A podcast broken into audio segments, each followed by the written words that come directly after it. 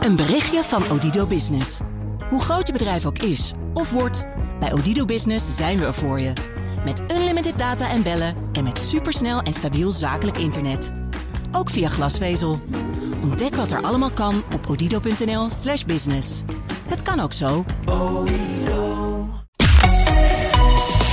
BNR Nieuwsradio. Boekenstein en de Wijk. Hugo Rijksma. I love money. Come to me. I know the names of the Kardashians better than I know the names of my neighbors. I have the classic Birkin in almost every color. Fame, sex, even plastic surgery for dogs. It's kind of like the end of Rome. Societies accrue their greatest wealth at the moment that they face death. You sell your soul to the devil.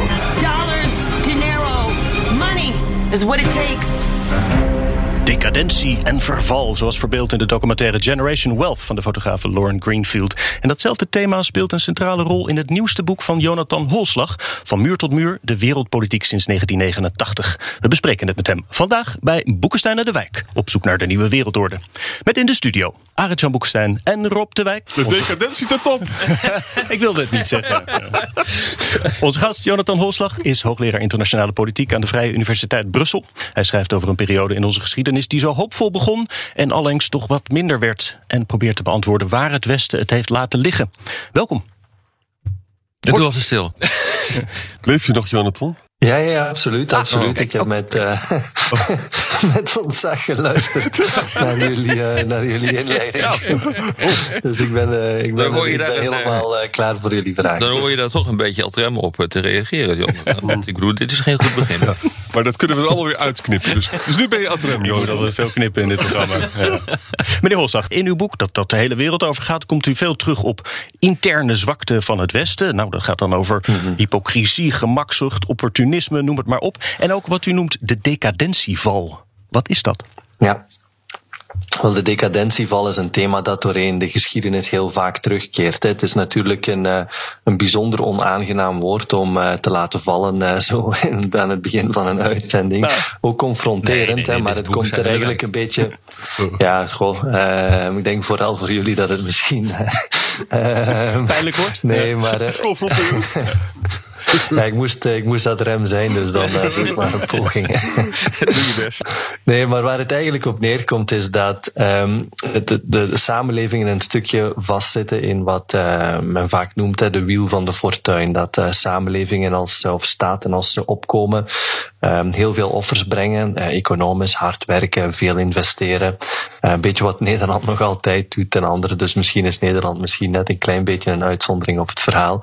maar dat er dan een moment aan aanbreekt waarop men de teugels loslaat. En dat is onvermijdelijk. Als het goed gaat, als de samenleving veilig is, dan, dan, dan vergeleidt de urgentie om, om alert te blijven, om, om hard te werken natuurlijk een, een stuk. Maar dan wordt het heel gevaarlijk, omdat samenlevingen dan neigen om wat boven de stand te gaan leven.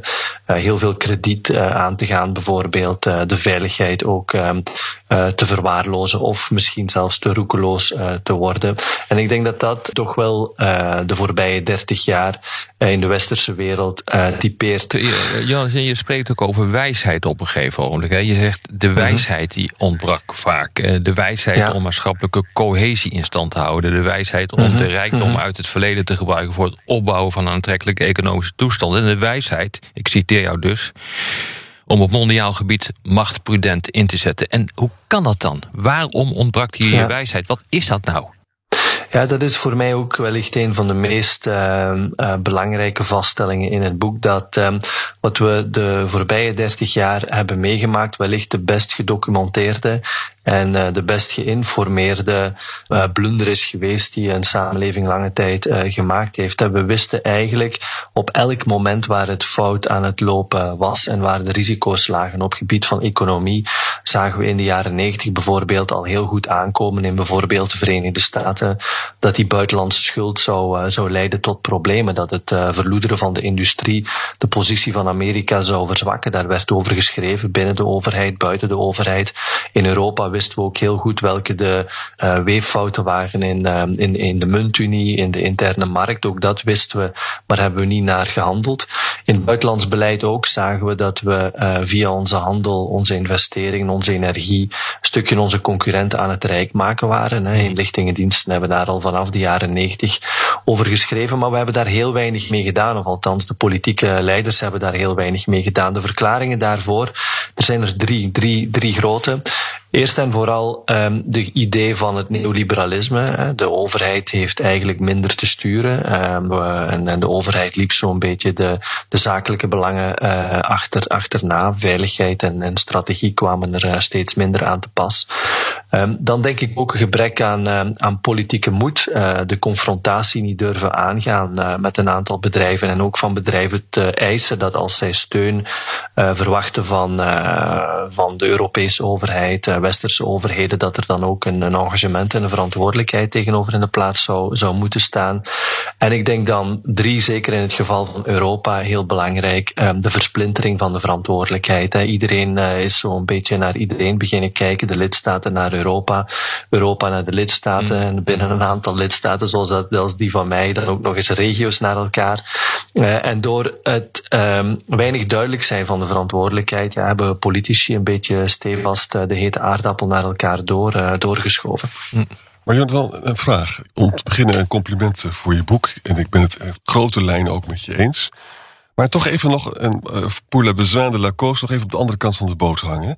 Stel je voor dat mm -hmm. we gedaan hadden wat jij nu eigenlijk ons adviseert. Hè? Dat betekent een krachtige mm -hmm. industriepolitiek. Hè? Dat mm -hmm. betekent uh, het gevecht tegen de decadentie, nog betere universiteiten, gaan ze maar door. Dan is het natuurlijk toch wel het, er zijn twee problemen met de redenering. Het eerste is dat globalisering heeft uh, negatieve kant gehad, maar heeft zeker ook positieve kant gehad. Het positieve kant is bijvoorbeeld dat er heel veel arme Chinezen zijn uit de armoede getild. En ik heb mm-hmm. zelf nog steeds stilletjes de hoop dat het heel misschien als gevolg van die nieuwe welvaart in China en ook van de problemen met de overheid, al die non-performing loans in China, hè, dat ze misschien mm-hmm. ook uh, XI gaan uh, proberen te veranderen. Hè. Dat, is, dat is één ding. En het tweede is, de industriepolitiek, dat is ontzettend lastig. Ik ben daar een voorstander van, want als je naar de economische geschiedenis kijkt, mm-hmm. dan heeft Duitsland heeft zo machtig kunnen worden, omdat het zich beschermde tegen die goedkope Britse concurrentie in de 19e eeuw. Hè. Dus allemaal voorbeelden van. Mm-hmm. Ik vind ook dat in Afrika dat uh, moet doen. Maar het is niet eenvoudig.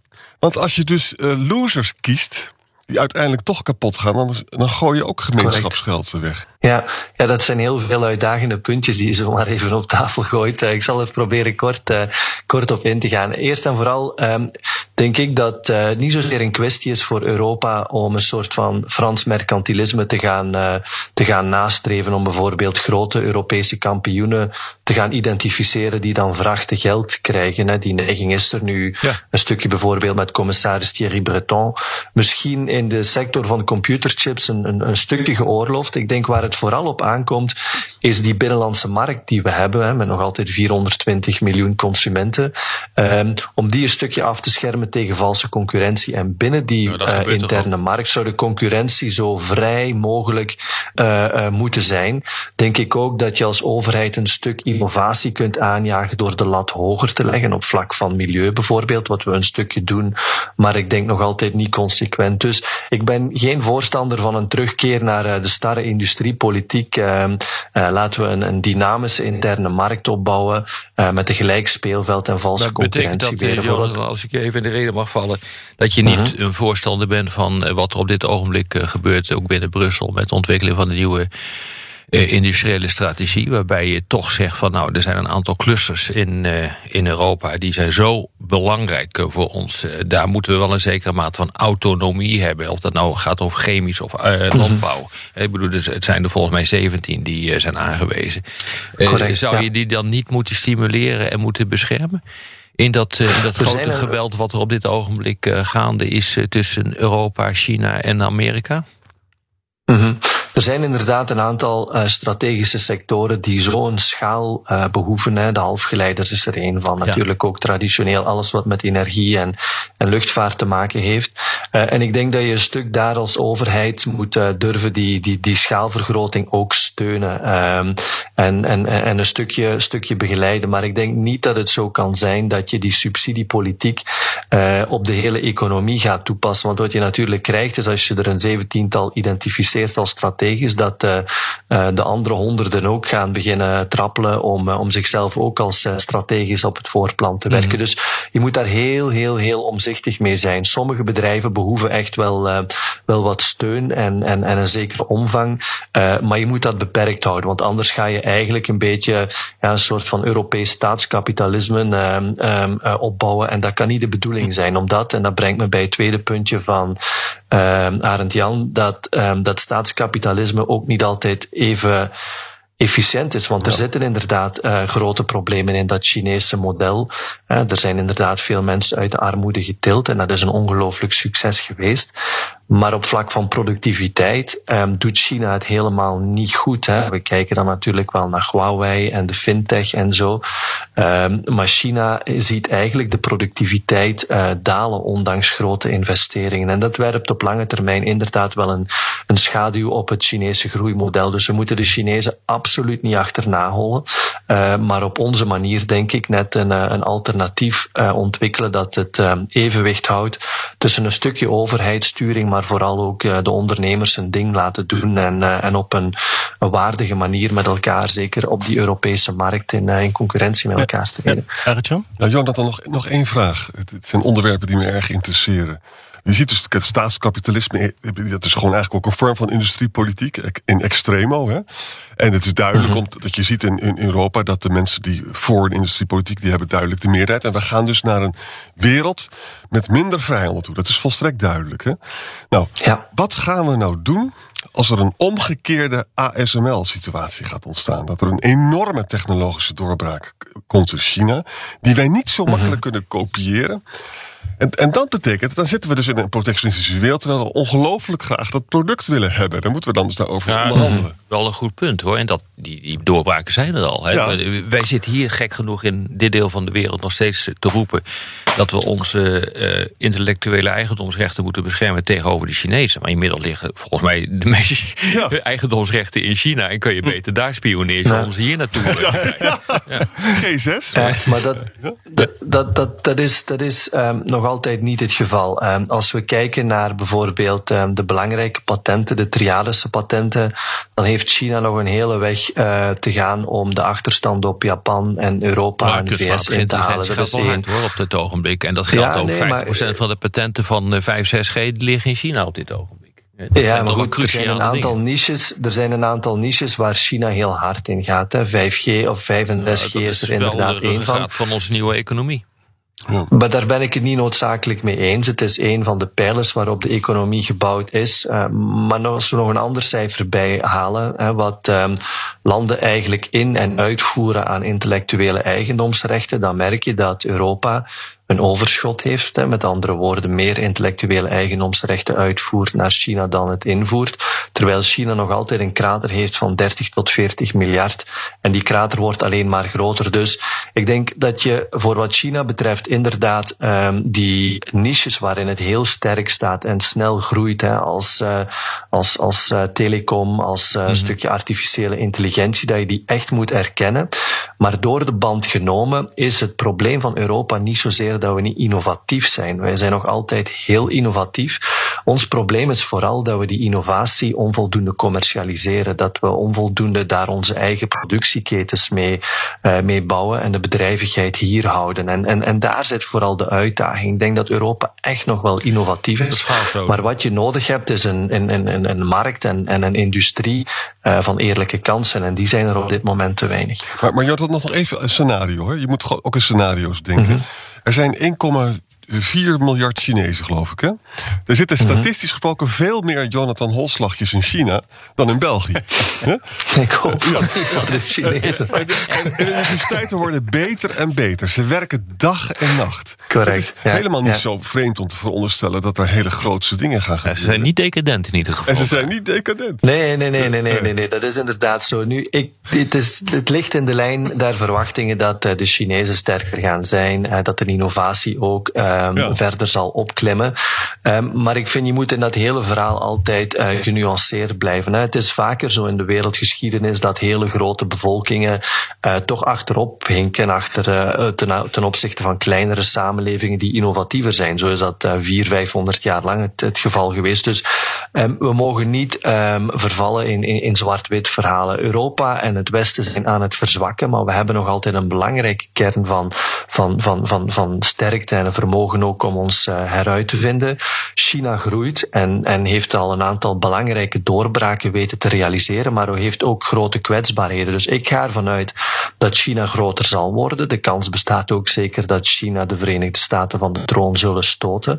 Maar wij blijven nog altijd een, eh, een samenleving van enkele honderden miljoenen eh, mensen met flinke historische rijkdom en ook heel veel intrinsieke eh, sterktes. Dus niks maakt dat als de Chinezen blijven terrein winnen, wij onze positie niet een stukje ehm, eh, handhaven. Eh, maar die verantwoordelijkheid ligt, eh, ligt bij ons. Wat de Chinezen doen is perfect normaal. Wat ik moeilijker te begrijpen vind, is, eh, is, is, is, onze, is onze impasse. BNR Nieuwsradio. Boekenstein en de Wijk.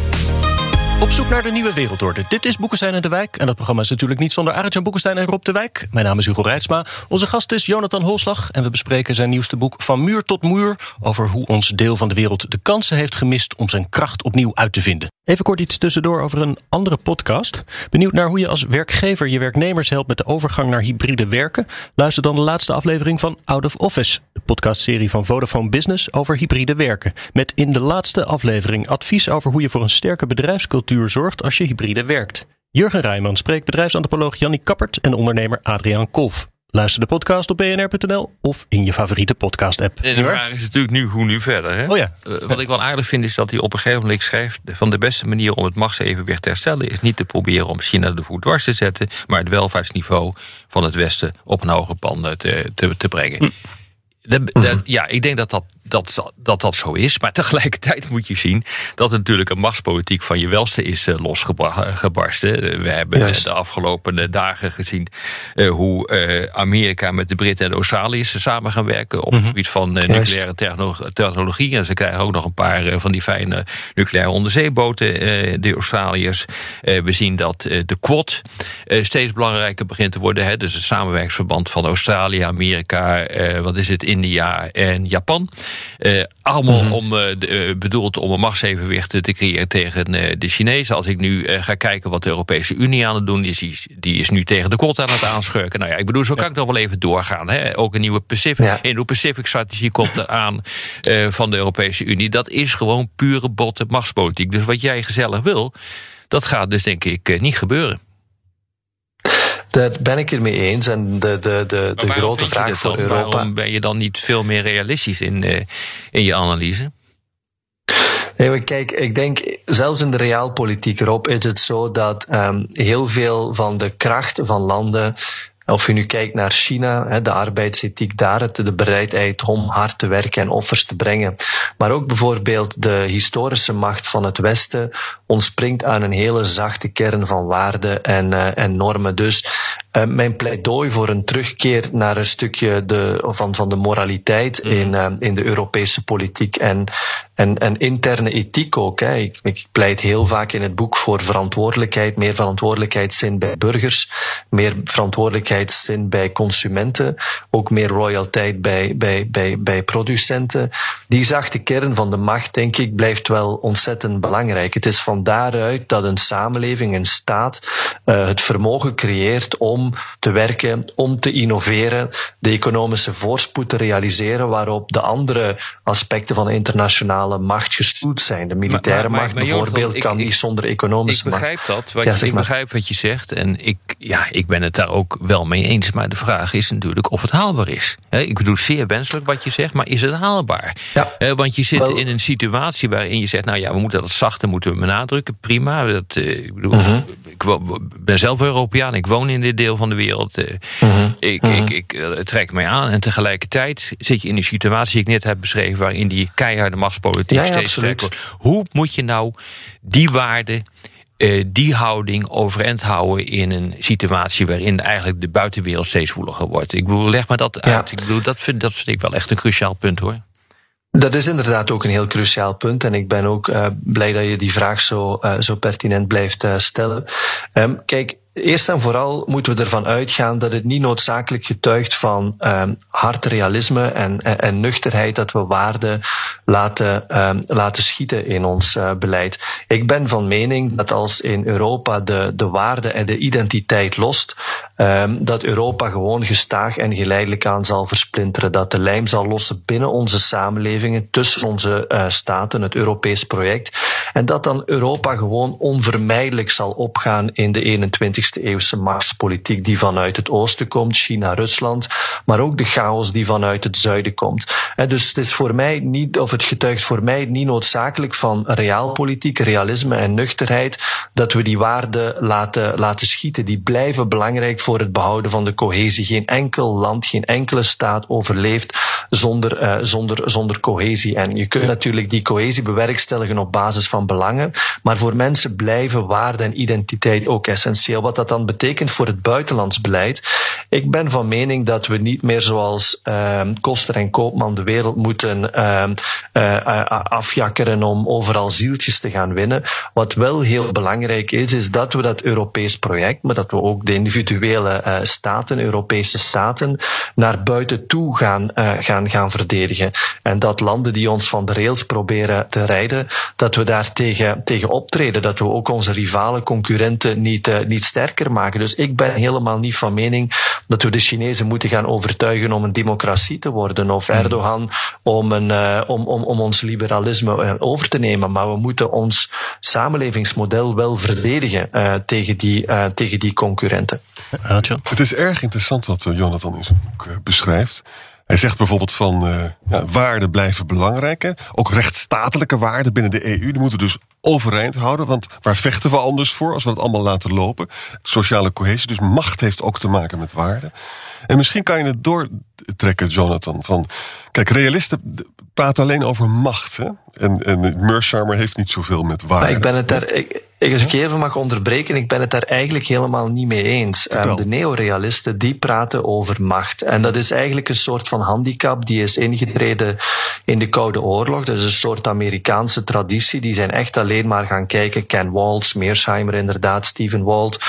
naar, naar, naar de militaire macht, de, de, de, de uitwendige macht bijna. maar ga je terug naar de naar de economische, hè, inderdaad, ga je terug naar de uh, klassieke denkers over machtspolitiek, uh, Morgenthau, maar ook in onze Europese traditie, Thucydides, Polybius, ja. die um, benadrukken keer op keer op keer dat de bron van die harde macht, als we dat zo uh, kunnen zeggen, de rechtsstaat is. Hè. Lees je bijvoorbeeld in, uh, in Thucydides um, hoe de Atheense stadstaten aan een macht komen. Voor Sparta bijvoorbeeld verwijst hij naar de rol van de, de, de wetgever Lycurgus. Hè. Hoe, hoe, dat eigenlijk het constitutionele aan de basis ligt van het succes van die stadstaat. Polybius verwijst ja. naar de constitutie van, van de Romeinse Republiek als de grote bron van energie en, en, en kracht. Dus het is niet of-of. Ik denk echt dat we die twee aan elkaar moeten blijven, blijven koppelen. Ja. Eén punt nog. Bent u eigenlijk optimistisch dat we uit die decadentieval komen? Of is dit gewoon hoe grote rijken altijd eindigen en is gewoon onze tijd geweest? Ja. Inderdaad, ehm, de, het is bijna een onafwendbare kracht voor rijke samenlevingen dat ze um, uh, aftakelen en dat er een proces van, uh, van, van, van verzwakking uh, optreedt.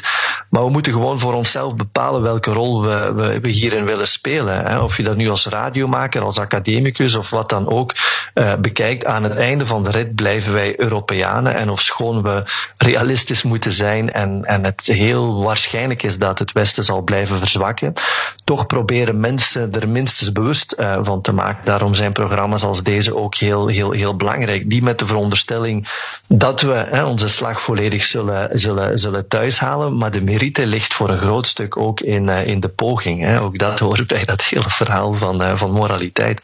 De poging. Laten we het daarop houden. Althans, voor de radio. Op de podcast gaan we door met luisteraarsvragen. Luistert u op de radio, dan verwijs ik naar Apple Podcasts, Spotify of boekensteinendewijk.nl. Te beginnen bij Calcolo Ergozoom, die ons vaak vragen stelt. Welke factoren, vraagt hij, zijn het belangrijkst bij het westerse verval? Bijvoorbeeld lobbycratie, beperkte interesse, publieke opinie. En kan de EU, die bijvoorbeeld in de publicitaire luwte opereert, maar wel blootstaat aan veel lobbyisten, een tegenwicht bieden aan nationale politici? Nou, dat is wel een goede vraag natuurlijk. Ik denk ook dat het grootste probleem binnen de Europese Unie zit en niet zozeer buiten de Europese Unie. Dat gelazen wat ja. we hebben met Polen en uh, Hongarije dat is veel beschadigender, beschadigender uh, voor de Europese Unie en voor de krachtdadigheid dus van het collectief van lidstaten dan uh, de opkomst van, van China. En daar vind ik het ook echt bemoedigend dat de Europese Commissie nu veel hardere taal over ja, dat Polen. Vind ik ook, ja. Het gaat de goede kant op, ja. jongens. Ja, ja daar ben ik het dus helaas niet mee eens. En ik vrees dat ik hier dan een ja, beetje sceptischer zal zijn nog dan, dan, dan, dan, dan, dan, dan Rob. uh, nee, uh, ik denk het grote probleem van Europa is inderdaad dat we gespierde taal spreken, maar dat we dit, dat niet uh, waarmaken. En als we luisteren naar de State of the Union van mevrouw van der Leyen, ja, dat is inderdaad een veel, uh, veel, veel robuustere toespraak dan, uh, dan we de, bij de voormalige voorzitters hoorden. Nu, als je de puntjes eruit haalt, hè, bijvoorbeeld um, die Indo-Pacific Strategy, hè, waar, waar Rob ook al aan refereerde, ja, dat is gewoon eigenlijk een lege doos. Hè. Um, nou, op vlak van handel moet bijvoorbeeld. worden. Ja, maar ik, ik, ik denk dat ik toch al een tijdje meedraai in, uh, in Brussel. Ik heb denk ik al een, een, een handvol uh, Aziatische initiatieven zien passeren naar India toe, naar de Zuidoost-Aziatische landen toe, naar Centraal-Azië toe, de voorbije tien jaren of zo. En daar is eigenlijk nooit echt iets van terechtgekomen. De grote fout die Europa stevast maakt, is net door um, de taal en door het engagement op papier een stukje verwachtingen creëren bij partners in die regio en dat dan niet waarmaken. Dat is iets wat je in die Aziatische hoofdsteden ook steeds hoort van oké, okay, daar zijn de Europeanen weer met een leuke plannen, maar waar blijven de centen? Uh, waar blijven de, waar blijft de militaire eens. aanwezigheid? Nee, Sorry? Je, ik ben het daar niet helemaal mee eens. Als je dus uh, ziet wat er bijvoorbeeld uh, met handelsakkoorden wordt gedaan, hoe wordt geprobeerd om door middel van handelsakkoorden toch Europese regels op te leggen. Het is ook niet, ja. niet voor niks dat Europa dat is, bekend dat staat is... als een, een, als een regelsupermacht. Uh, als je Mhm. mm -hmm. kijkt uh, wat, uh, hoe groot de schok was in China toen ze het investeringspact niet kregen in verband met hun glazen in. in ja, die schok was eigenlijk helemaal niet groot hoor, Rob. Nou, die schok was helemaal zijn, niet groot. Je, Ik heb het... weet je, Jonathan, het zijn kleine stapjes vooruit. Ik bedoel, denk niet, dat weet jij even goed als ik, dat dat je zo'n mammoetanker en zulke globale veranderingen op een achternaamiddag aan, aanbrengt. ik, ik zie dat er kleine ik- stapjes worden genomen en die gaan in een bepaalde richting. Mhm. En ik moet eerlijk zeggen, dat, dat, dat, da- daardoor ben ik wel redelijk optimistisch hoor. Maar laten we de metafoor van de mammoetanker nog een keer uh, doorzetten. En wat verandert bij die mammoetanker is dat we een andere vlag hijsen, maar niet de koers. De koers blijft nog altijd dezelfde. De koers voor mij is een koers van, uh, van, van, van fragmentatie, gebrek aan consensus en vooral ook een, een, een, Ja, dat een, is gewoon niet een heel veel, denk dat heel veel, heel veel uitwendig, heel, heel veel uitwendig vertoon. Laat me mijn verhaal heel, heel, heel even afmaken. En als we kijken naar het uh, investeringsverdrag met China, oké, dat is een signaal, maar we zien nog altijd dat de bereidheid en de belangstelling van Europese bedrijven om te investeren in China groter is dan bijvoorbeeld um, naar, uh, naar pakweg uh, India. Als we kijken bijvoorbeeld naar pogingen van Europa om handel van China weg te halen naar Zuidoost-Azië. Dat, dat, dat is um, ondanks alle pogingen mislukt. Uh, en we zien dat er nog altijd ook uh, dit jaar bitter weinig gebeurt. Als je kijkt of uitgaat van de recente peiling onder de tien ASEAN-landen, um, wie, wie, wie, wie de meest invloedrijke speler is, Europa of de Europese Unie, krijgt 1,8 procent of zo uh, tegenover China, de VS en, en zelfs ASEAN. Dus mijn grote probleem is dat het een vooruitgang is op papier waar we ons heel vaak tevreden uh, mee nemen, maar geen vooruitgang in de realiteit. Ik, ik, denk dat je te veel van binnenuit uh, redeneert. Hè. Het is ook, een, uh, ook hier in Nederland is het continu mode om te kijken naar al het gedoe in, in, in Brussel. ik bedoel, -huh. net zoals jij reis ik ook veel. kom ook in Rusland, kom ook in China. Ik hoor geen balinerende opmerking over de Europese Unie, omdat ze gewoon heel goed zien dat ze tegen het communitaire beleid, wat de, de exclusieve bevoegdheden van Brussel aanlopen. En dat is gewoon niet handig. Ik bedoel, je kunt kijken naar bijvoorbeeld de wijze waarop sancties worden opgelegd, waarbij er een ongelooflijke kakeel is, maar uiteindelijk komen die sancties er. En daar hebben Lukashenko en Poetin mee te dealen, of, of zie. En zo kan je natuurlijk een hele hoop van dat soort voorbeelden uh, geven. En ja, ja, dan kun je zeggen, ja, maar ze zijn niet 100% effectief. Nee, dat klopt, maar ze worden wel opgelegd. Amerikaanse ja, sancties zijn ook niet effectief, by, by the way. Nee, nee, tuurlijk. Maar gewoon het voorbeeld van Rusland is natuurlijk een zeer boeiend. Hè. Ik... Um, uh, ik kom ook geregeld in, in dat land en ik spreek heel vaak met, uh, met Russen, maar die sancties, oké, treffen een stukje de mobiliteit van de toplaag. Um, maar tezelfde tijd zie je dat alles wat financieel is heel netjes wordt opgevangen, hè, met kredieten vanuit China. Of met nu gewoon uh, Russische pogingen om een alternatief te hebben voor SWIFT, een alternatief voor Visa. En het meest essentiële, hè, we hebben die kleine oppervlakkige sancties, maar in de fundamenten blijven door onze energie politiek gewoon Poetin ja, slapend rijk maken en machtig maken. Ja. Um, dus we mogen ons daar wel op de borst kloppen met die sancties, maar als we dat machtspolitiek bekijken en dus vanuit de beenharde realpolitiek, dan is dat een pleister op een houten been. Ja, we gaan even door naar een aantal vragen ook over dat uh, Auszoek, zeg ik dat goed? Dat defensiepact tussen de VS, VK en Australië dat deze week mm -hmm. werd onthuld ineens. Ja. Uh, Ronald Scherpen vraagt: Is het gebrek aan hard power van de EU de reden dat de EU niet is uitgenodigd? Mark Hoube kijkt er anders tegenaan en zegt: Is het niet juist een teken dat de EU als individuele grootmacht wordt gezien met een andere agenda dan landen in kwestie? Australië is gedwongen en het VK moet nieuwe vrienden maken. Ja, de EU kan nooit toetreden tot zo'n pact. Dit is een pact tussen landen en niet tussen uh, uh, landen en een organisatie. De grote vraag, en dat was een vraag die ik mijzelf ook stelde: waarom zit Frankrijk hier niet bij? Ja. Ik moet eerlijk ja. zeggen, ik uh, heb dat dus even in mijn eigen netwerk uh, gevraagd. Ik zit in wat van die netwerken waar mensen in zitten die ook zeg maar dit soort dingen bedenken. En dat vond ik wel, uh, het antwoord daarop vond ik wel onthullend. het antwoord was dat er vooral in de Verenigde Staten groeiende frustraties zijn met de Franse houding ten opzichte van de NAVO. En er waren, en dat vond ik nog veel onthullender, uh, twijfels aan het feit of geheime informatie in Frankrijk wel in goede handen was. Uh, dat, nou, mm -hmm. vervolgens, vervolgens uh, de Britten. die moesten er niks van hebben en die wilden Frankrijk buiten de deur houden in verband met de, de, de harde lijn ten opzichte van de Brexit. Ja, mm -hmm. weet je, dit is ook realpolitiek, hè? Dit is ook machtspolitiek. Dus de Europese Unie, ja, die, de Europese Unie die, die is hier geen speler in. Maar Frankrijk wel. Ja. En wat hier dus gebeurt, is, um, is eigenlijk een zoveelste scheuring uh, in de transatlantische wereld. Uh, waarbij ik denk dat uh, de, de, de Fransen nu volle kracht vooruit gaan. En dat gaan ze ook doen trouwens tijdens ja, het voorzitterschap. Absoluut. Om uh, op Europees gebied die defensie verder vorm te geven. En dit moet ook wel een wake-up call weer zijn. De zoveelste, kan het woord niet meer horen trouwens. voor een land als Nederland. Want Nederland speelt hier natuurlijk helemaal geen rol in. Ja, ja. En je moet dus nu wel gewoon mee met die grote Europese beweging. Want dit is dus zoveelste bewijs dat het echt aan het veranderen is. En wat ik er jammer aan vind, ik had gehoopt op een Europese pijler binnen de NAVO. Maar dat willen de Amerikanen kennelijk niet. Hè? En het gevolg daarvan is ja, dat... dat willen ze wel. En het, uh, als, wij maar... Uh, je kunt ook niks met dat soort termen Europese pijlen binnen de NAVO. Als Europa in staat is om verstandig uh, operaties te kunnen uitvoeren... dan kan je dat in EU-verband doen. Je kan dat gezamenlijk met elkaar zonder een vlag erop doen. En je kan het in de NAVO doen. Dus dat, het worden ook ideologische discussies waar je eigenlijk niet zo graag. Maar waar, waar ik naartoe wilde, Rob, is dit van: ja. als dat allemaal moeilijk ligt, dan zie ik dus uh, Macron en Scholz straks komen, dus met een Europees verhaal en niet meer binnen de NAVO. En dan zitten we in een, in een andere wereld. Ik denk dat de Amerikanen dat geen enkel probleem vinden. Omdat de Amerikanen zo aan het verschuiven zijn naar het, uh, naar het oosten. Ze hebben hun uh, middelen daarvoor nodig. Uh, de, het oude idee van de two-war strategy is niet meer uitvoerbaar.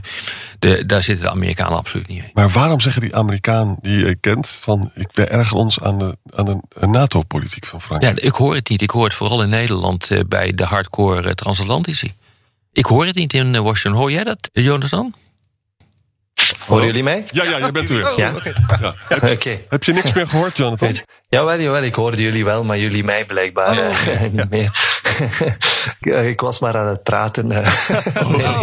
ik, oh, dat is helemaal niet uit dus. Uh, die, die, die, die, die, uh, die, ja goed, alles relativeren erop, ook radio maken natuurlijk. Uh, nu, um, voor wat betreft Frankrijk en, uh, en, en de Verenigde Staten, die spanning is, is natuurlijk duidelijk. Twee, twee vragen die daaruit volgen. Hè. Is een Europees alternatief um, op vlak van defensie waarschijnlijk en haalbaar? Ik heb daar nog altijd twijfels bij, te meer ook omdat de finaliteit van die oefening vanuit het perspectief van Parijs en Berlijn toch nog altijd heel anders is. En dan twee ook, als we kijken naar um, onderzoek, wat, wat, wat, wat gaat daar, um, wat gaat het gevolg zijn en de impact op, uh, op Europa? Het Verenigd Koninkrijk heeft op dit moment amper assets. Oké, de QE vaart daar nu een beetje rond en er gaan twee kleine patrouillebootjes uh, binnenkort vertrekken, maar is eigenlijk geen militaire speler die naamwaardig. Hè. Frankrijk heeft daar denk ik nog net iets meer militair gewicht in de schaal te werpen. Dus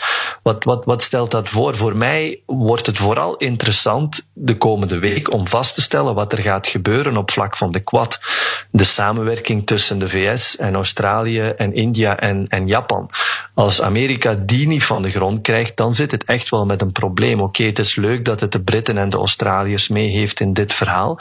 Maar wat Amerika vooral nodig heeft in het uh, bieden van tegengewicht aan China is de steun van India en, en Japan. En die blijft op dit moment nog nou, altijd bijzonder schoorvoetend. Het wel goed uh, gaat hoor. Als je dus kijkt wat de reacties nu zijn uh, van eh, van de Chinezen op die samenwerking, die met name door coronavleugels heeft eh, gekregen. En eh, corona die dus geleid heeft tot een grotere mate van assertiviteit van de Chinezen. Dan moet je toch constateren dat er wel, dat er wel wat aan de hand is op dit ogenblik. Ja, maar de Japanners blijven uh, toch een beetje koud en warm blazen. Hè, en, en maken zich ook nog altijd zorgen over de garanties van de Amerikanen en uh, de, de, de, de wispelturigheid van de Amerikaanse politiek. Hetzelfde ook in India. Als je de Indiërs hoort, uh, die zijn eigenlijk weinig geneigd om in een alliantie te springen formeel met Amerikanen. Maar wat er ook opnieuw en opnieuw en opnieuw terugkomt, is van oké, okay, fijn dat nu Biden opnieuw de hand reikt. Maar God weet wie, uh, wie, wie binnenkort um, uh, president wordt. Zijn de Amerikanen nog een betrouwbare partner? Ja. Um, dus dat is vooral waar we naar moeten kijken. Gaan er voor, volgende week uh, wezenlijke stappen vooruitgezet worden in, in, die, in, die, in die kwad? Dat zou um, grensverleggend zijn. Mm, ja. Wat er nu gebeurt met Australië en de Britten, dat, dat, dat is voor mij minder belangrijk. Eén vraag kunnen we nog meenemen van Ralf Mercurius. die vraagt is er een cultuuromslag mondiaal te verwachten of te zien? Het lijkt erop dat de hele wereld het westerse kapitalistische systeem aanhangt. Lopen andere landen dan niet het risico dezelfde fouten te maken? Ja, een stukje, een stukje wel niet. Of ze uh, het westerse kapitalisme achterna hollen, dat is misschien nog net iets anders. Hè. Wat je ziet, is dat uh, andere landen meer en meer een toevlucht zoeken tot staatskapitalisme. Hè. Dat zij echt gaan bedrijven dwingen om uh, de belangen van de, van, van de staat te helpen, uh, helpen behartigen. Uh, en dat wij in Europa nu ook terug een beetje in die richting aan het, aan het opschuiven zijn. Dus we gaan naar een wereld waarin ehm, het ehm, het, naakte kapitalisme en ik denk ook vooral het neoliberalisme toch opnieuw gaat plaatsmaken voor de wereldeconomie zoals die er doorgaans uitziet, zijn de gefragmenteerd meer uh, en vooral heel erg nationalistisch. En daarmee komen we weer bij die muur uit de titel van uw boek, De Tweede Muur. Dit was weer Boekenstein en de Wijk. Namens Arjan Boekenstein en Rob de Wijk zeg ik dank voor het luisteren. Speciale dank aan Jonathan Holstoch. Zijn boek Van Muur tot Muur ligt nu in de boekwinkel. En daarmee kunt u na deze uitzending nog vele uren somberen op niveau. Tot volgende week.